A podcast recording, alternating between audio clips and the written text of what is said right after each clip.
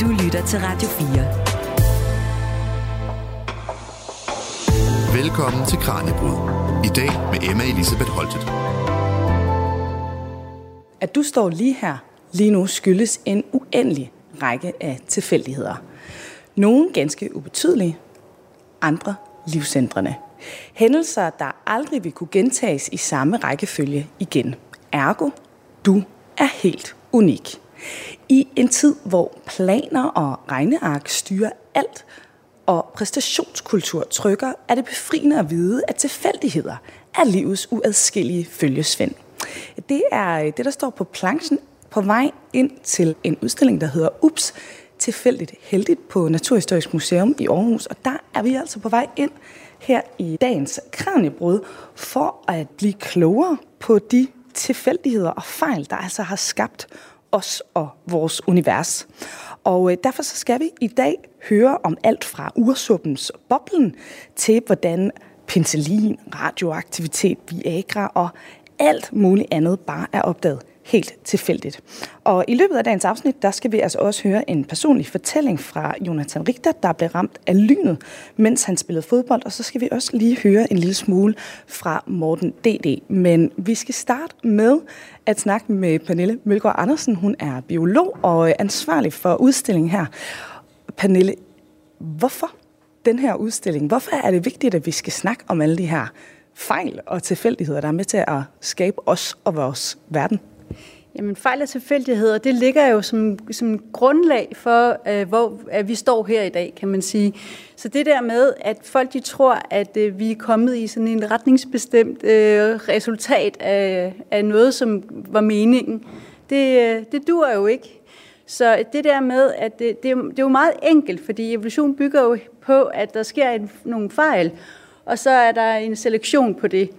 Øhm, og det synes vi er en, en rigtig spændende historie. Og samtidig så synes vi også, at den måske lige kan trigge lidt til vores øh, unge mennesker i forhold til, at det der med at øh, ture begå en fejl, det, vi, behøver, vi må godt gøre os umage stadigvæk, det er slet ikke det, vi snakker om, men det der med, at man tør gøre ting, og at den, altså prøve sig selv af og prøve verden af, det synes vi er en rigtig vigtig ting. Så det der med at have alting planlagt og tro, at tingene kun går i en retning, mm. det, øh, det går ikke, fordi at så bliver man altså væltet. Øhm, så, øh, så det der med at leve i en, have en livsbane, som man tror går i en retning, og så sker der et eller andet, som gør, at man ændrer en, i, kommer i en anden retning, det, det er jo det, livet handler om.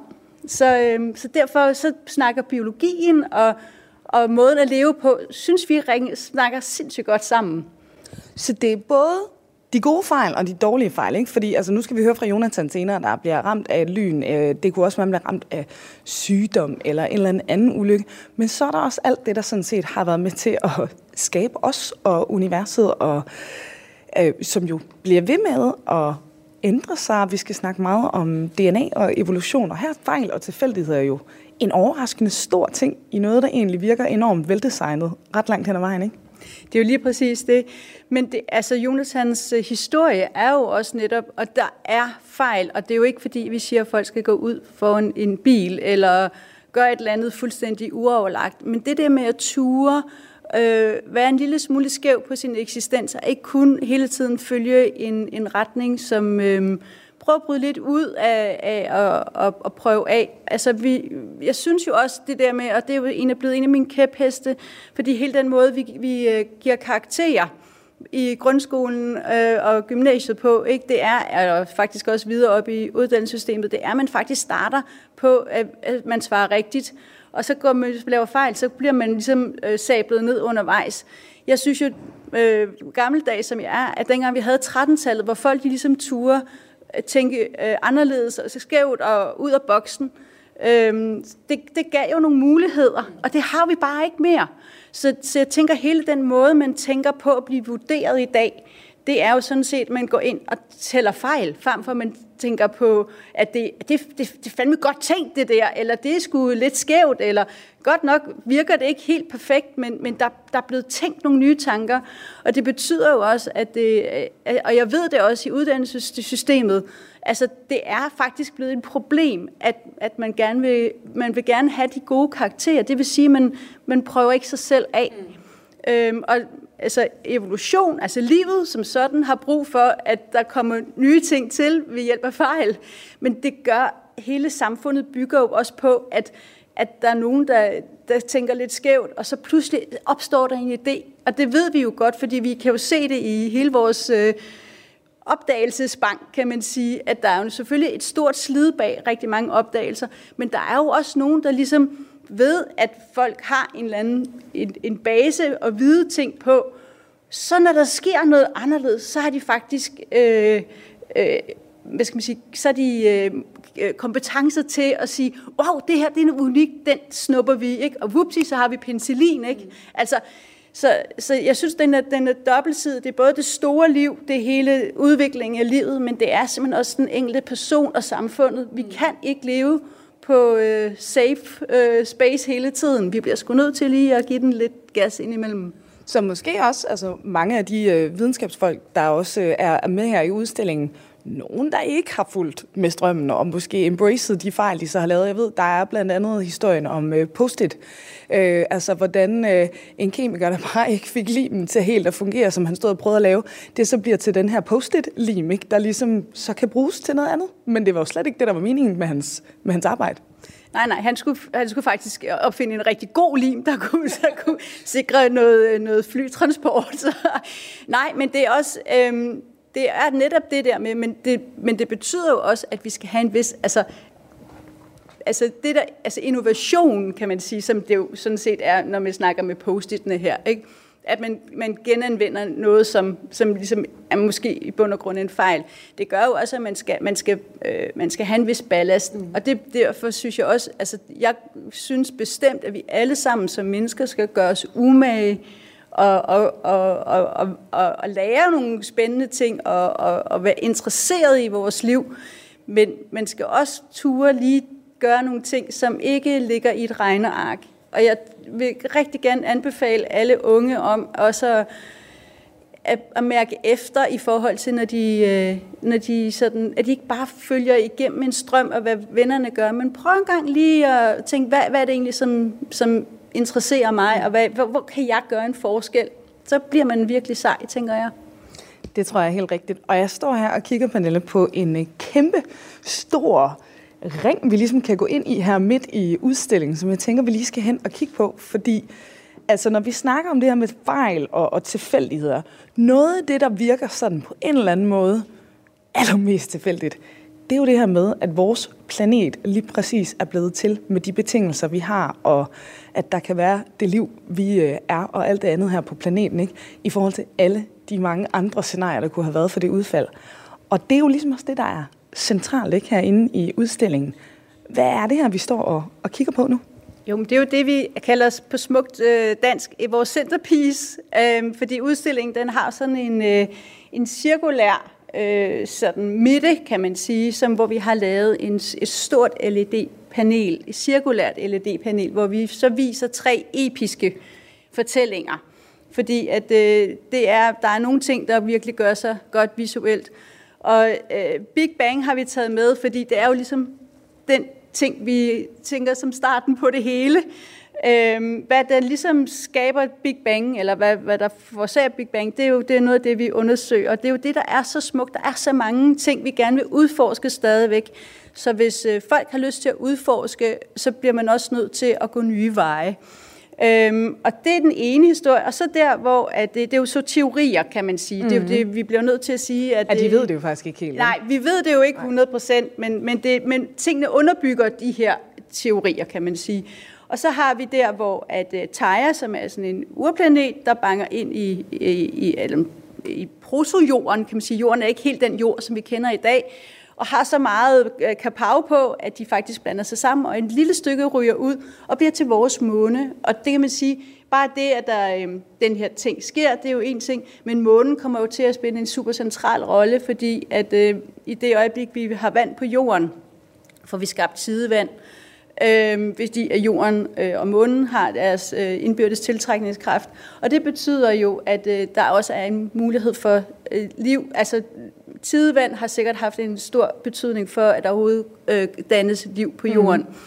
Øhm, og så den tredje øh, historie, det er jo der, hvor at øh, dinosaurerne, som var en ekstremt succesfuld øh, gruppe, øh, kan man sige, de forsvinder totalt, øh, da øh, der er en stor asteroide, der ryger ned ved Yucatan-halvøen øh, og ændrer miljøet. Og det er jo det, vi, øh, vi ser. Altså, det kan man sige, hvis den, ikke, hvis den var gået lige forbi jorden, så kan vi vide, hvordan det havde set ud i dag. Ja. Fordi det er jo også det, vi, man så siger, ikke? det er, at dinosaurerne har jo ligesom fyldt alle nischer, så i det, der ligesom bliver plads til, til, øh, til noget andet, så får pattedyrene ligesom en mulighed, og så får vi hele den der kæmpe radiation, altså udvikling øh, af pattedyr. Og, øh, og der kan vi så også se videre på evolutionen, ikke? hvordan der så er det der kapløb om at blive spist øh, og ikke blive spist, og finde, finde en partner og, og sådan noget. Så der er sådan nogle ting, der ligesom går ind og betyder rigtig meget for, i hvilken retning evolution går. Og der er føde jo en ting, og formering, og så det der med at enten at, altså, undgå fjenderne, kan man sige også. Ikke? Så, øhm, så der er sådan nogle ting, der trigger. Så det synes vi er sådan nogle enormt episke øh, fortællinger. Ja. Altså, jeg synes, vi har jo faktisk fået lov til at lige øh, spille en lille snas af det her for, for lytterne. Øhm, og øh, skal vi ikke lige høre Morten D., der jo altså er formidlingschef og kommunikationschef her på museet, øh, fortælle netop om den her planet, man regner med for nogle milliarder år siden er stødt ind i jorden. Stop lige. For lige knap 4,6 milliarder år siden, jorden er lige ved at være der. Bare ikke helt, som du kender den. Er du sikker på det, jorden? Jeps, og det der, det er Taja. Men den er på vej mod jorden. Gør noget. Kan du ikke trykke pause? Det er en katastrofe. Tværtimod, det er tilfældigheden over alle tilfældighederne, der skubbede alting i en ny retning. Taja bankede ind i den unge jord så hæftigt, at de to planeter blev blandet sammen. Jorden optog noget af Taja, samtidig med, at noget af jorden blev til månen. Kæft og random. Men hvis den ikke havde gjort det, var månen der så heller ikke i dag? Nej, og det var du nok heller ikke. For månen påvirker tidevand, som er helt afgørende i forhold til livet på jorden. Og for at det ikke skal være løgn, så slog Taja også jordens akse skæv, hvilket gav os årstiderne. Men vent lige. Jeg kan altså ikke se noget tidevand. Nej, for der er ikke oceaner på jorden endnu. Så skal du lige trykke. Ja, ja, jeg har fattet det. Det er et rigtig godt spørgsmål, hvor vandet er kommet fra. Man ved det ikke helt, men i planet- og stjernetåger ude i universet er der ofte meget vand. Så formentlig var der allerede pænt meget vand på jorden, da den blev dannet. Siden kom der ekstra til udefra i form af kometer og den slags. Vi skal være glade for vandet. Det er helt uundværligt i forhold til liv. Uden disse tilfældigheder, sammenstødet med Taja og tilstedeværelsen af vand her på planeten, havde du og jeg helt sikkert ikke været her. Så det er egentlig meget passende, at vi sidder her med et glas vand i hånden og kan kigge op på månen. Hey, hvor fik du lige vand fra? Her. Der er også et glas til dig. Du lytter til Kranjebrud på Radio 4. Ja, fra vand og hvordan vores planet den fik de egenskaber, som øh, den altså har i dag. Pernille, vi øh, hopper hen til fortællingen om os i dag på planeten først, og så senere, så skal vi altså på opdagelse lidt mere rundt i historien om naturvidenskaben og mærkelige opdagelser, der altså er blevet gjort mere eller mindre tilfældigt, som vi snakkede om tidligere. Vi står henne i et hjørne her, hvor øh, der står din fortælling nede for enden af væggen, og der kan de besøgende altså skrive netop deres fortællinger om de tilfældigheder, der har ført, at de står lige her, lige nu. Hvorfor er det væsentligt, synes du, at øh, på et naturhistorisk museum, at vi skal stå og reflektere over alle de her sådan personlige fortællinger?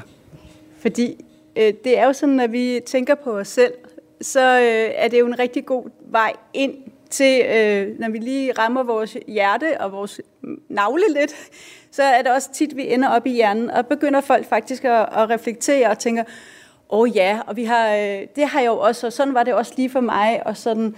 Og det der med, at folk de byder faktisk ind med nogle rigtig fine historier om, øh, hvordan de på forskellige måder øh, rundt omkring i verden har mødt deres nuværende partner, fået børn, eller, og hvis de ikke havde haft det mod til at tage afsted, eller mod til at, at holde fast i det øh, forhold, så var de jo ikke endt der, hvor de var i dag. Øhm, og vi kender det jo alle sammen. Der er jo hele tiden døre, der lukker, eller muligheder, man må tage, eller sådan noget. Hvis man ikke gør de ting, nogle gange kan det være lidt sjovt at gå tilbage sådan i memory lane selv og tænke, hvis jeg nu havde været modig nok til lige at gøre det der, eller hvis jeg nu havde gjort sådan, så var jeg måske endt et helt andet sted. Øhm, så det tror jeg rigtig mange synes er sjovt, og den ligger jo så lige til højre benet til at tage fat om folk, når de er der mentalt, og så tage naturvidenskaben med dem. Ikke? Så, så, så det er jo sådan en måde at, at møde folk på. Øhm, og vi har faktisk en virkelig smuk historie med øhm, øh, en ældre dame. Hun er faktisk 82 år og fortæller om, at hun fra Sydamerika, Sydafrika undskyld, øhm, tog på rundtur i, øh, i Europa med to veninder og møder sin danske mand i øh, ja, det nuværende øh, Kroatien. Ikke? Så, øh, og det er bare så smukt. Og som hun siger til allersidst til unge mennesker, at det der med at prøve sig selv af at ture ting, gøre ting, det er faktisk med til at give værdi til livet. Så som 82-årig kan hun lige give den videre til de unge. Ja, og så står vi jo her ved, øh, kan man sige, en af de største tilfældigheder og drømme for folk. Ikke? Øh, vores øh, udstilling med, med de fire største kuponer, vinderkuponer fra Vikinge Lotto og Eurojackpot og hvad de ellers hedder, Lotto og sådan noget. Og der er en af dem, der er jo på 750 millioner. Ikke? Så det der med, at folk lige stopper op og tænker, gud, hvad kunne jeg egentlig have gjort der? Og jeg er godt kommet til at tænke på, at jeg har egentlig ikke lyst til... Altså, 750 minutter, det lyder virkelig episk og dejligt, men vil jeg, vil jeg blive lykkeligere? Ja. Det er jeg ikke sikker på, at jeg ville. Øhm, det kan godt være, at jeg ville være, synes, synes, det var sjovt at kunne rejse lidt mere. Men i bund og grund tænker jeg, at vi som mennesker skal prøve at finde tilfredshed i der, hvor vi er. Mm. Øhm, og der kan den måske også være med til lige at grounde os og sige, vi er jo egentlig holdt, holdt op, jeg har min familie, med en gode børn, ikke? og egentlig lever jeg jo et godt liv. Der er også, når man står og kigger her, i hvert fald måske bare for en, som ikke altså, tænker over naturvidenskab nødvendigvis i min dagligdag og sådan noget. Jeg er humanist, ikke? og kommer måske tit til at tænke sådan meget om øh, ja, kultur og andre ting og sådan noget. Men det her med også, når man står og kigger rundt, øh, bliver man jo mindet om, at det hele jo er natur. Altså, vi kan jo ikke adskille os fra det her. Øh, der er øh, blandt andet altså jo øh, det her med øh, sygdomme, der kan ramme en, som vi også har snakket om. Vi skal også høre fra Jonathan, det her med at blive ramt af lynet. Ikke? Altså nogle naturkræfter, som også, uanset hvad vi gør i vores moderne liv, bare stadigvæk har det med at påvirke os en gang imellem på, på godt og ondt. Og så står vi også og kigger på noget, som jeg tror rigtig mange mennesker faktisk har berøring med i dag, og i stigende grad jo ikke, som årene går, nemlig øh, det her med at få hjælp til faktisk at få børn. Det er jo her, hvor naturen er begyndt at blive en lille smule udfordrende i forhold til vores øh, reproduktion. Jo øh, længere frem i årene vi kommer, jo mere regner de faktisk med, at de her fertilitetsproblemer de vil stige. Så I har så også en hel sektion her om altså kønnet formering det er jo vildt, tænker jeg, for de børn, der kommer ind at se det her, for der må være en del af dem, der er blevet til på den her måde. Det er der også. Altså, hvis vi lige starter med kønnet formering som sådan i forhold til øh, evolution, det har jo virkelig været en, øh, en drivkraft, fordi at med kønnet formering, så får vi jo mulighed for at kombinere to øh, organismers øh, materiale, ikke? så derfor får vi rigtig stor øh, variation ind, og så får vi kæmpe potentiale for at, at udvikle ting. Ikke? Så, så der, det, der, har, der har evolutionen virkelig trådt i, øh, i karakter, kan man sige. Men, øh, men bare det der med, at øh, for det første så kan man øh, se på tyresædceller. Vi har lavet et lille øh, samarbejde med Viking Genetics, hvor vi har fået øh, tyresæd. Så hver morgen så lægger vi tyresæd ind i vores øh, fasemikroskop her, og så kan man kigge på de her sædceller. Det er faktisk for det første en rigtig stor oplevelse for mange børn og unge. Hvad, hvad siger de, når de ser alt det der? Jeg fik jo også lige lov til at kigge, og der er jo øh, mega meget liv dernede lige pludselig. Ikke? Hvad siger de til det? jeg havde, øh, jeg havde sådan en række af SFO-børn, der stod øh, og ventede på pænt i kø for at se de her. Og så kom der en pige hen, hun har måske været seks år, og jeg prøvede at forklare, hvad det var. Øh, det var sådan Øh, handdelen, kan man sige, at det der bliver, bliver til et, øh, et nyt individ. Ikke? Det kan jo så, her bliver det til en kalv, ikke? Øh, men faren, øh, hendes far havde leveret noget lignende til, da hun skulle laves. Og så kiggede hun ned, så siger hun, sikken en fest, de har. og det var så fint, ikke? fordi det der med, at de, de, så, siger de, så er der nogen, der siger, det ligner haletusser, øhm, eller der er bare mega gang i dem, eller et eller andet. Og det er der jo også, fordi de her, de kan jo noget, men der er jo også nogle sædceller, der ikke helt er så aktive, som dem vi viser. Og derfor kører vi også øh, en lille film, som viser faktisk øh, kunstig befrugtning. Og vi, den viser faktisk lige præcis den teknologi, hvor man skyder en sædcelle ind i mm, Plus, så har vi også fået lov til at få film, øhm, som viser, hvordan et æg, der så bliver øh, Øh, befrugtet bare ved at have sædcellerne omkring den, så hvor de selv kommer ind. Der er nemlig to sådan forskellige øh, metoder til at, at, at, at befrugte sådan et æg. Men så kan man se de første celledelinger. Og det er jo simpelthen den der wow-oplevelse for mange. Øh, det er, at jamen, og så får vi også diskussion, hvornår starter liv? Hvad er liv? Øhm, og og det, det er helt vildt sjovt at se de der celler blive til flere og flere og flere, og pludselig så, jamen, så er der jo noget. Mm. Så, så vi har, altså, og det er det, den her udstilling, synes jeg faktisk kan rigtig meget. Det er, at man, man har nogle fortællinger, både helt naturvidenskabelige, biologiske fortællinger, egne fortællinger, men så kommer vi faktisk også op på nogle filosofiske snakke, øhm, og det der med, at nu har vi kønnet formering, Øhm, og det kan man sige, det er jo sådan en helt naturlig ting. I dag, nu har jeg skrevet 10 procent, men det er jo op over 20 procent af børn fra en årgang, der er faktisk mm. er øh, resultat af kunstig befrugtning. befrugtning.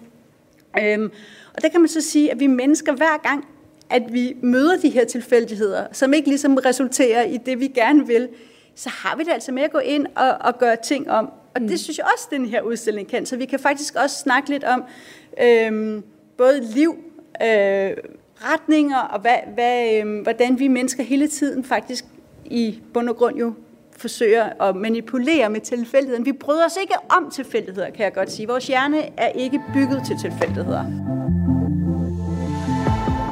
Du lytter til Kranjebrud på Radio 4.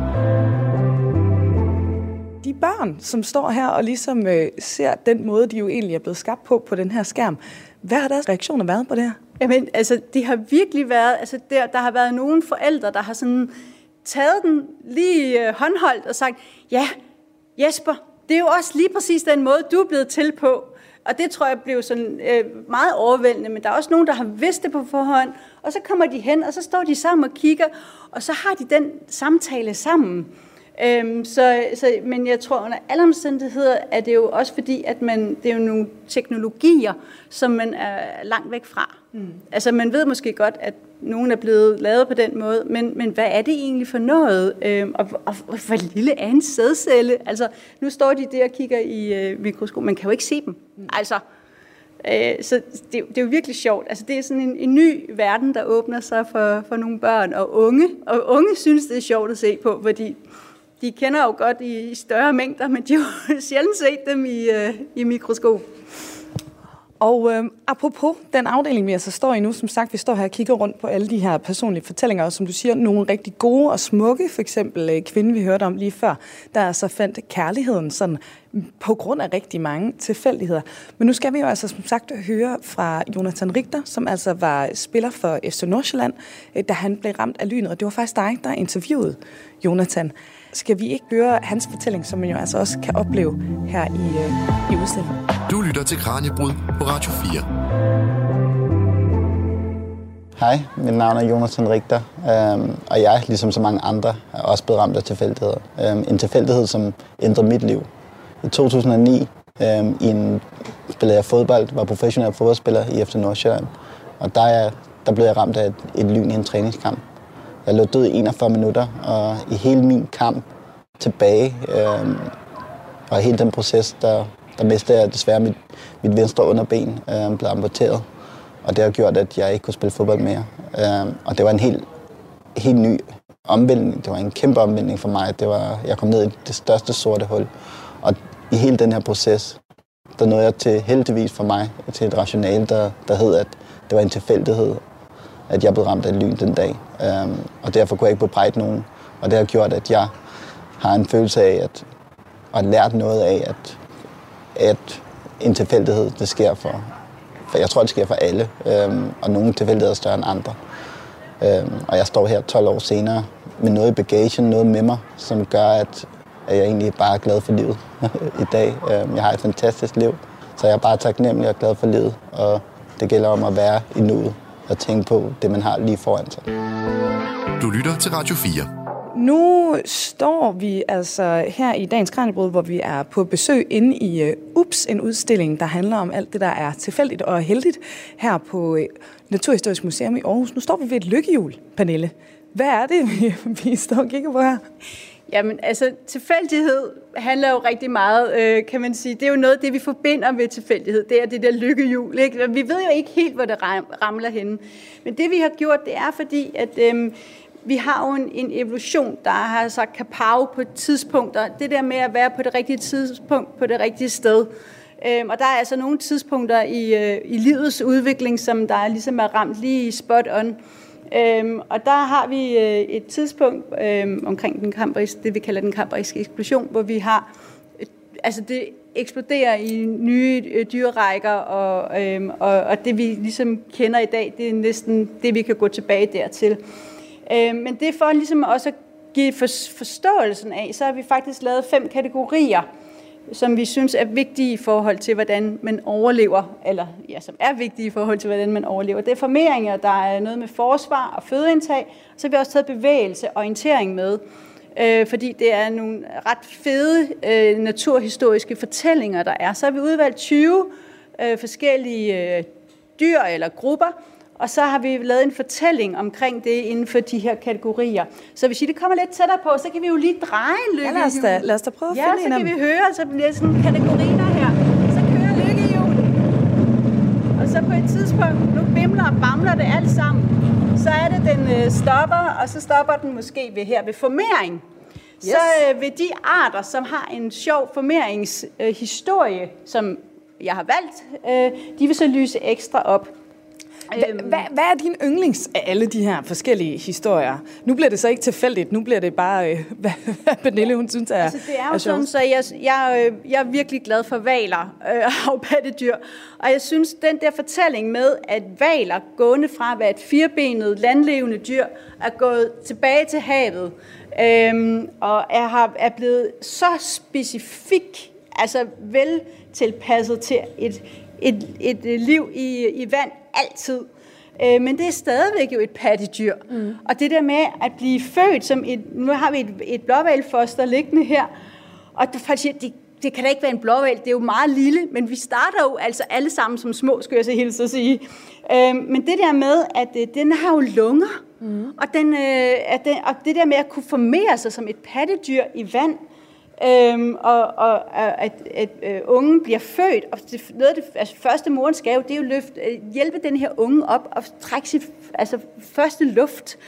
Øhm, det synes jeg er sådan en øh, smuk historie, øhm, og jeg synes, det er en fantastisk ting, at man øh, som pattedyr kan leve i vand altid. Altså, så det, det, det er en af de ting, men ellers er der også med øh, havterner, med hvordan man navigerer og flyver langt, altså kæmpe trækture øh, og vi har blæksprutter, som jo kan forsvare sig ved at ud, afgive blæk, ikke? og har en mega nice øh, måde at bevæge sig på. Og sådan noget. Så der er historier, og dem kan man læse om i sådan nogle små hæfter, fordi vi har valgt, at det skulle være øh, bare flot at kigge på og en oplevelse.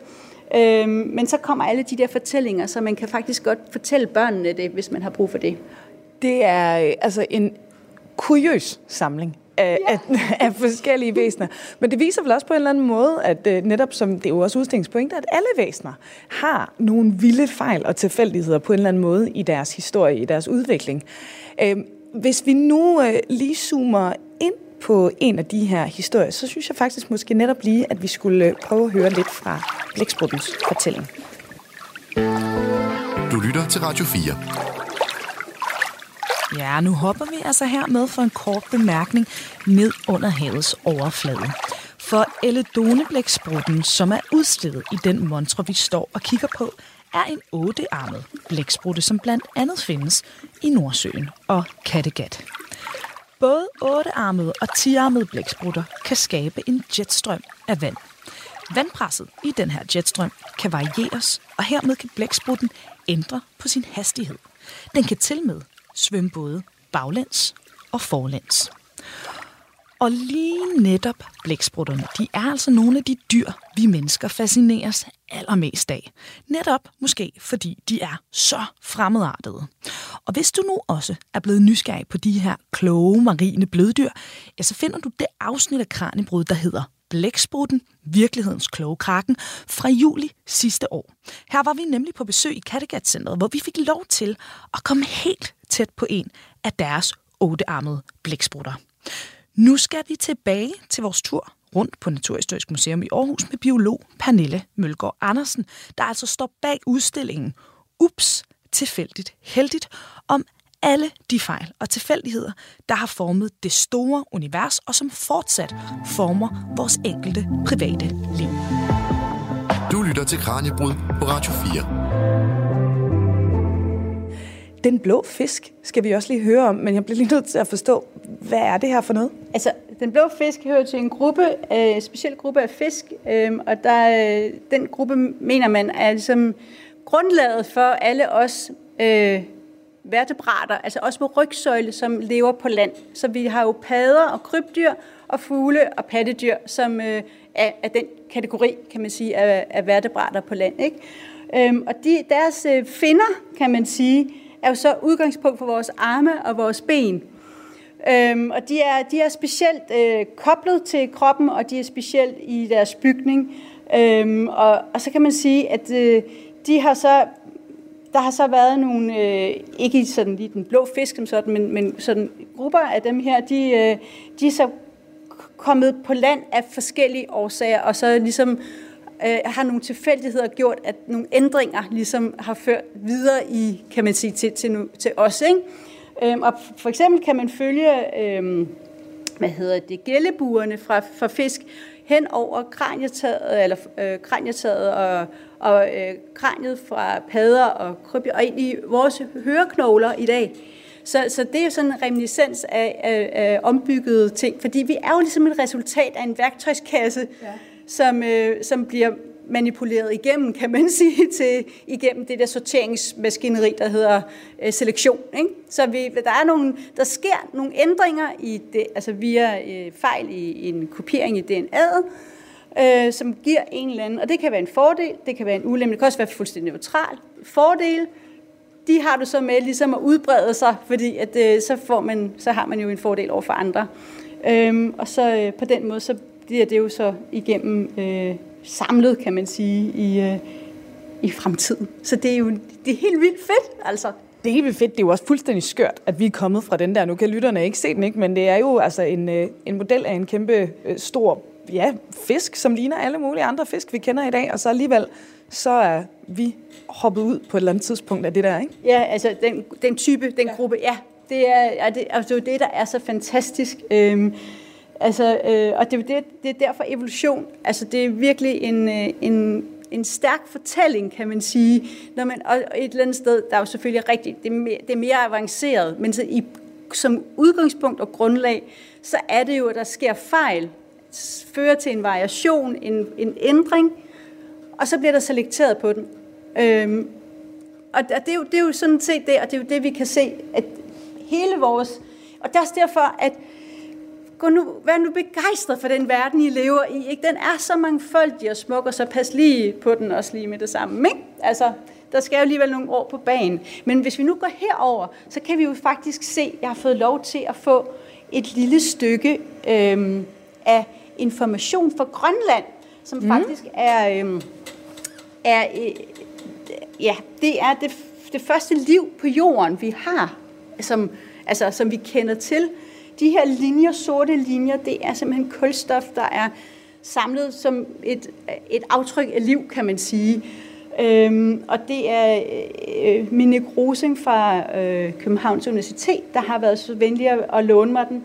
Og som museumsperson øh, er det jo sådan noget, jeg elsker. Jeg elsker de der unikager og det der, men jeg får, jeg får altid helt, øh, øh, hvad hedder sådan noget, gåsehud, mm. når jeg står over for de her rigtige ting, fordi altså, man kan jo lave rigtig meget i, øh, i træ og plastik, men når man står for the real thing, så så rammer øh, historien i helt vildt. Det er, jo ret, altså, det er jo også ret vildt. For det første er det vildt, at den er fra fundet på Grønland, ikke? Ja. Men er det så rigtigt forstået, det her, det er simpelthen, altså, af alt her på jorden, så er det her det ældste, det, det, vi har fundet? Det, det, ja, det som vi har fundet, ja. ja.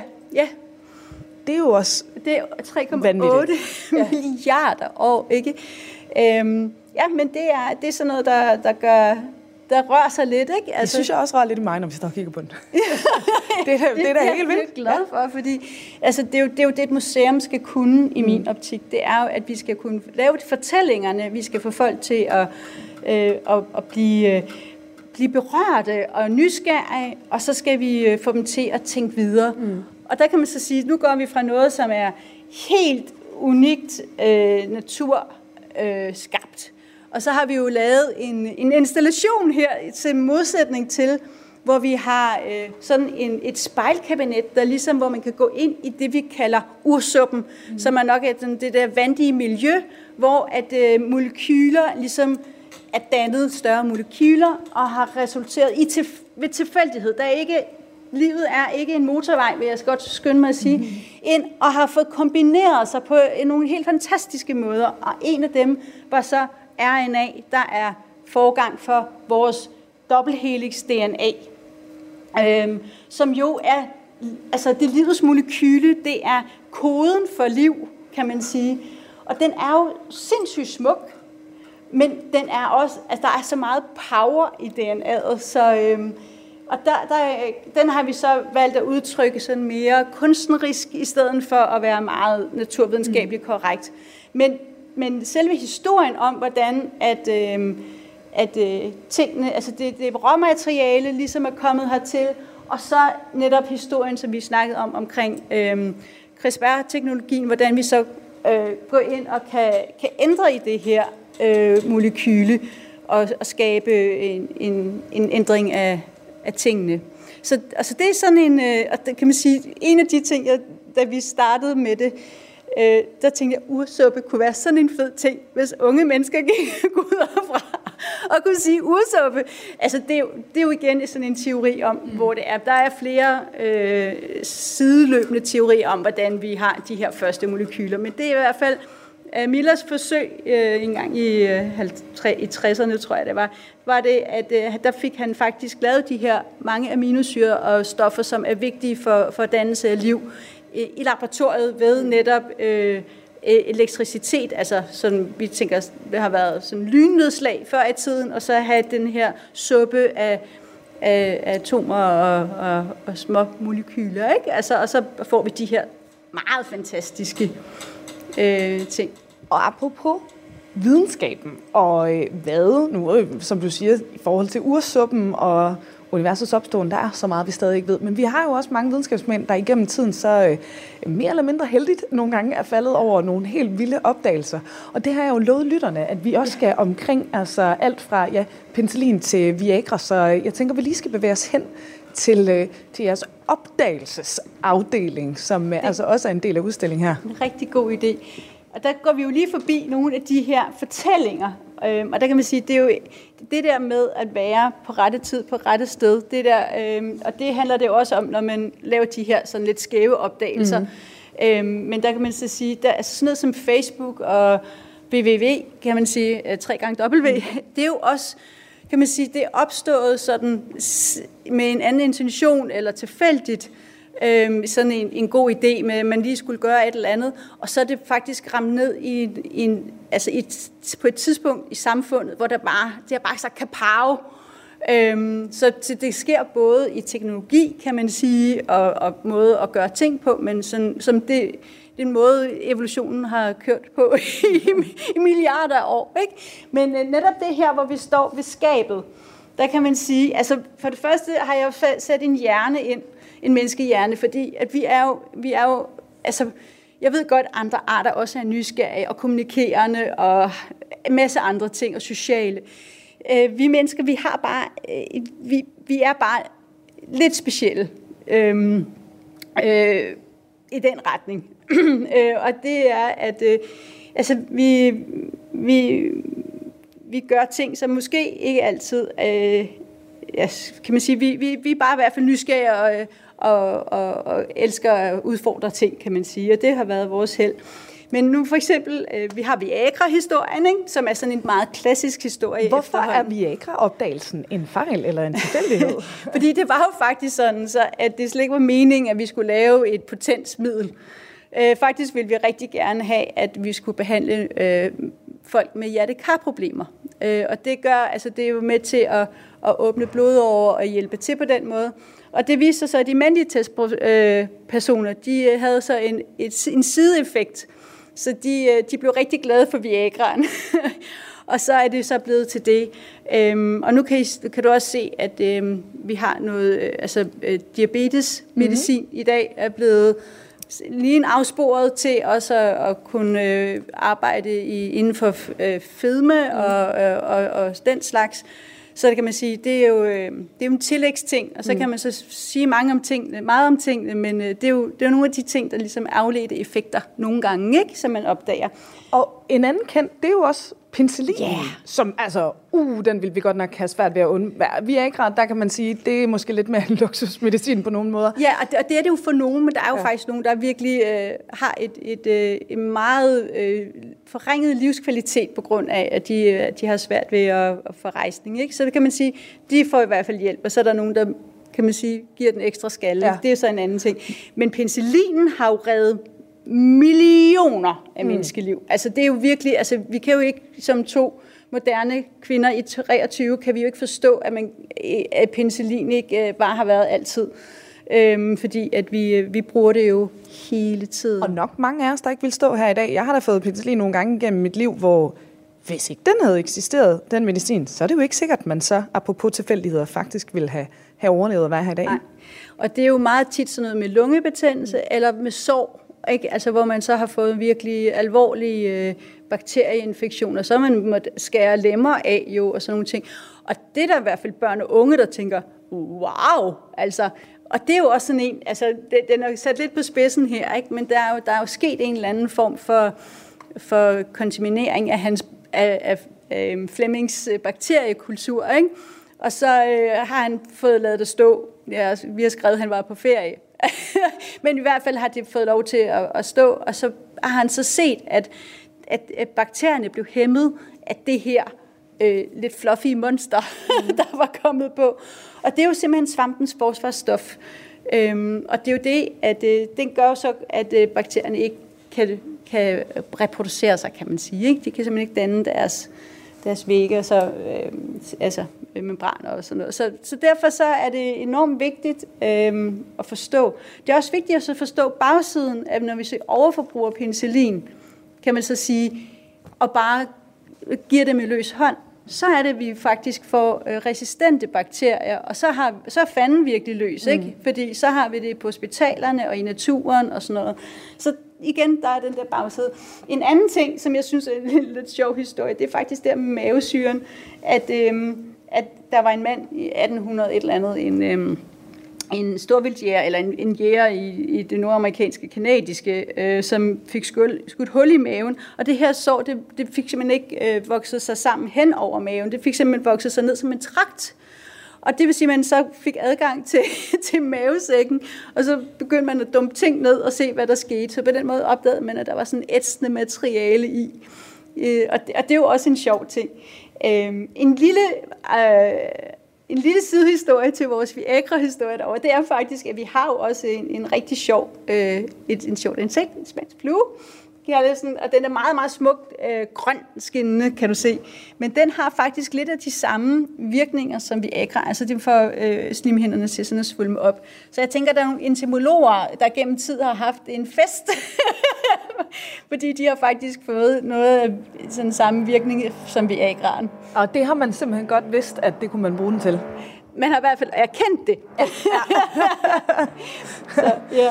Ja, og, øh, og nu kan lytterne måske høre, jeg tror, der er begyndt at blive boret øh, lidt her i øh, baggrunden, så hvis der er lidt larm. Det er jo et museum med gang i mange udstillinger osv., så, videre, så øh, der øh, er nogen, der er i gang med at rykke rundt på nogle ting. Her inden vi slutter, øh, Pernille, vi skal lige snakke om... Øh, det vi egentlig tog fat på helt i starten, nemlig det her med perfekthedskulturen, som man måske ikke lige tænker er noget, man tager op på et naturhistorisk museum, men det har I så gjort. Vi står lige her og kigger så på den sidste del af udstillingen, som altså handler om øh, det her med unge mennesker ja. og det her præstationsræs. Hvorfor er det her også en del af det? Fordi det er en, en, en vigtig pointe, som vi egentlig gerne lige vil have, at unge tager med ud. Fordi at vi har en, øh, en kæmpe lang øh, øh, historie, som netop øh, hviler på tilfældigheder og fejl, og det gør vores liv også.